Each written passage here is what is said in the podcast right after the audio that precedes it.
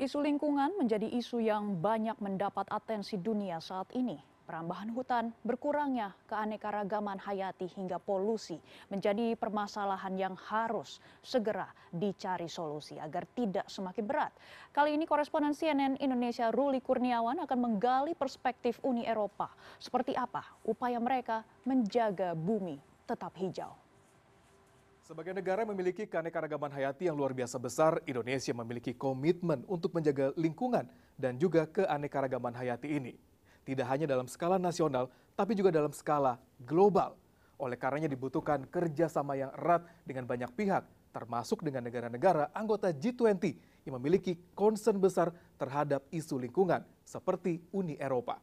Dan di Road to G20 kali ini, saya akan membahas seperti apa peran dan andil Uni Eropa terhadap lingkungan dan juga keanekaragaman hayati bersama Komisioner Uni Eropa untuk Lingkungan, Kelautan, dan Perikanan, Virginius Sincanvicius.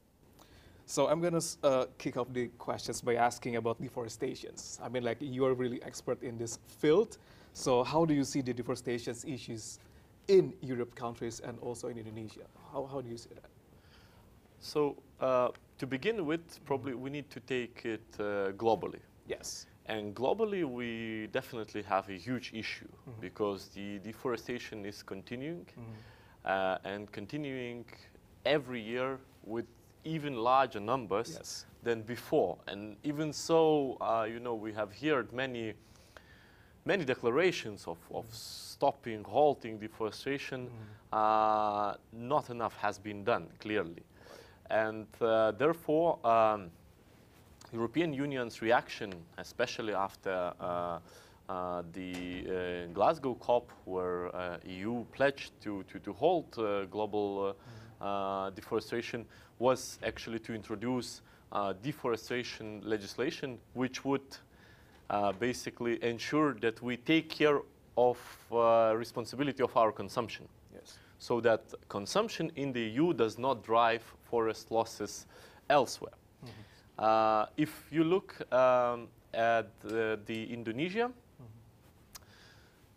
you are the superpower uh, of biodiversity, a mega diverse place, and of course you you holding the largest rainforest in uh, in in Asia uh, which is, um, of course, uh, needs to be uh, well uh, protected, well uh, taken care of, because at the end of the day, this is uh, lungs of the whole planet. So, of course, there are still efforts needs to be done. I'm, uh, of course, a huge fan of. Uh, uh, of mangroves uh, restoration program, and EU is uh, directly supporting it.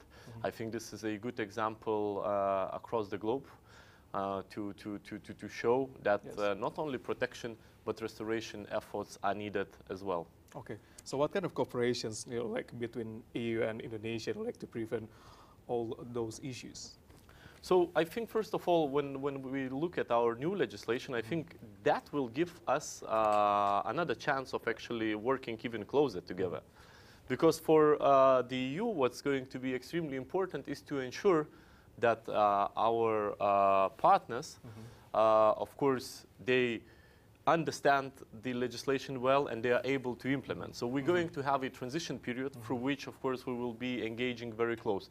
But of course, we want to, to start from ourselves, from our own example, because that's the only way you can sort of lead uh, by, you know, leading by example, implementing uh, changes Learn first of all domestically. Yes. yes. All right. So uh, the EU is trying to achieve an ambitious global agreement. You like to prevent the biodiversity loss. So how's the uh, program so far? So if we look ahead of, of, of COP15, um, I think, you know, uh, one of the, the crucial things uh, happening here as well in, in, Yes. in, in, in, in, in Bali is Like, G, yeah. G20, which I think uh, if we want a success to be achieved in, at the COP15 to reach a, a, a ambitious global biodiversity framework, uh, to agree on 30 by 30 target, which would ensure 30% protection of, of, of the world's oceans and, and land terris- uh, territories. Uh, that, of course, uh, needs to be led, first of all, by G20 countries.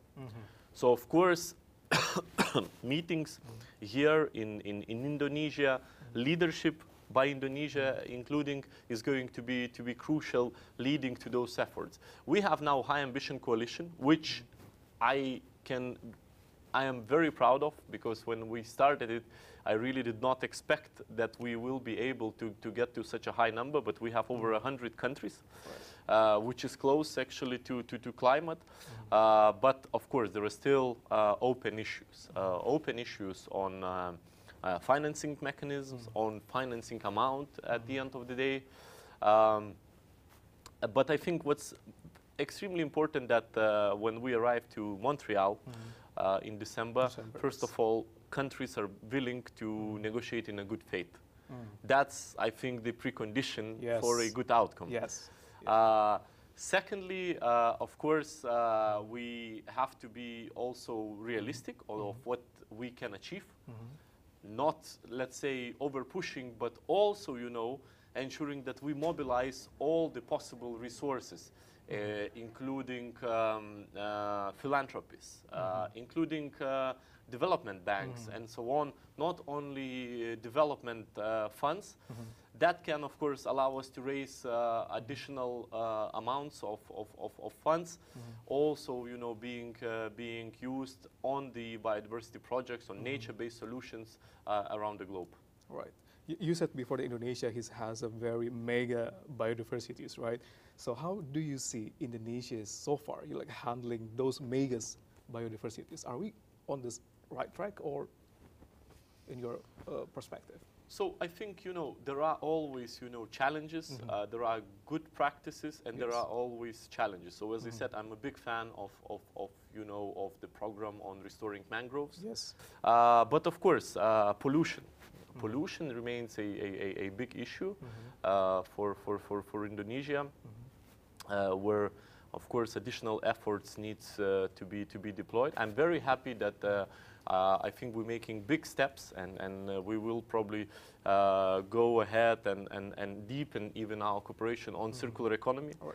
which will, of course, improve uh, waste management, uh, increase the waste management uh, capabilities for a country, which then, of course, uh, would allow to significantly decrease pollution. Because pollution is, is, is, is a double-edged sword, Yes. which not only hurts uh, the environment, uh, but also uh, people's health. And I think both of those matters are, are, are extremely important. If you look at relatively um, good COVID uh, numbers in, in, in, in such a large country like, like Indonesia, uh, I think there is still a lot of work needs to be done uh, as regards the pollution, so it also would keep the people's health That's gonna be the priority in Indonesia, right? All right. So, uh, talking about the like pollutions, also we're gonna talk about uh, the emissions. So as we all know that net zero emissions uh, 2050 is an ambitious target globally, right? And which needs strong commitment. Then what is the boldest action that your country has has done and uh, and bring it to reality? Because you know, like like before you said that we can learn from you guys, right? Yeah. So first of all, I, I, I think you know uh, a couple things. Mm-hmm. First of all, we have a climate law. yeah. So our commitment to decrease emissions by 55% is not some sort of milestone or a promise or Okay. a pledge. Yeah. No, this is a law. Yes. So by 2030, we have to decrease our emissions by 55%. Uh, secondly, uh, under that climate law, uh, we have our uh, whole plan Fit for 55. I think we are the only region because uh, EU has 27 uh, member states, different countries with, with different uh, economical, cultural backgrounds, and, and etc. But still, so we have Fit for 55, the whole plan, uh, how we're going to achieve, in which sectors, uh, how much is going to be uh, decrease, and so on. Of course, the, the vast majority, the biggest transition is going to happen in energy sector, uh, but also transport, agriculture. This is the sectors that are going to be to be affected. Last but not least, uh, for us, uh, also very important is just transition.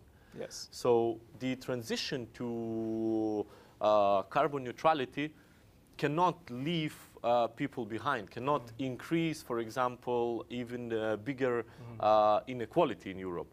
Uh, we have to find a way to keep everyone on board. So when we speak about the coal mining regions, which we still have in Europe, Yes. we have to ensure that these people are uh, very quickly put back into the, the, the, the job market. Uh, that, of course, the houses in that region go through the renovation and so on. So all that requires a very careful planning. The, um, the net zero ambition cannot be achieved uh, just you know having a sort of ambition without a very very careful planning uh, addressing uh, the most uh, uh, the most the biggest uh, i would say risks uh, the most demanding regions So there's a lot of to do, right, to achieve these goals, right? Indonesia is gonna be like 2060 for these zero emissions. Hopefully, we can achieve the target. So thank you very much, Commissioners uh, Sinkevičius, for your uh, insight for us in Indonesia today. Hopefully, it's gonna be like give a lot of you know like uh, positive vibes for us in Indonesia. Thank you very thank much you once again. absolutely thank you Thank you very much.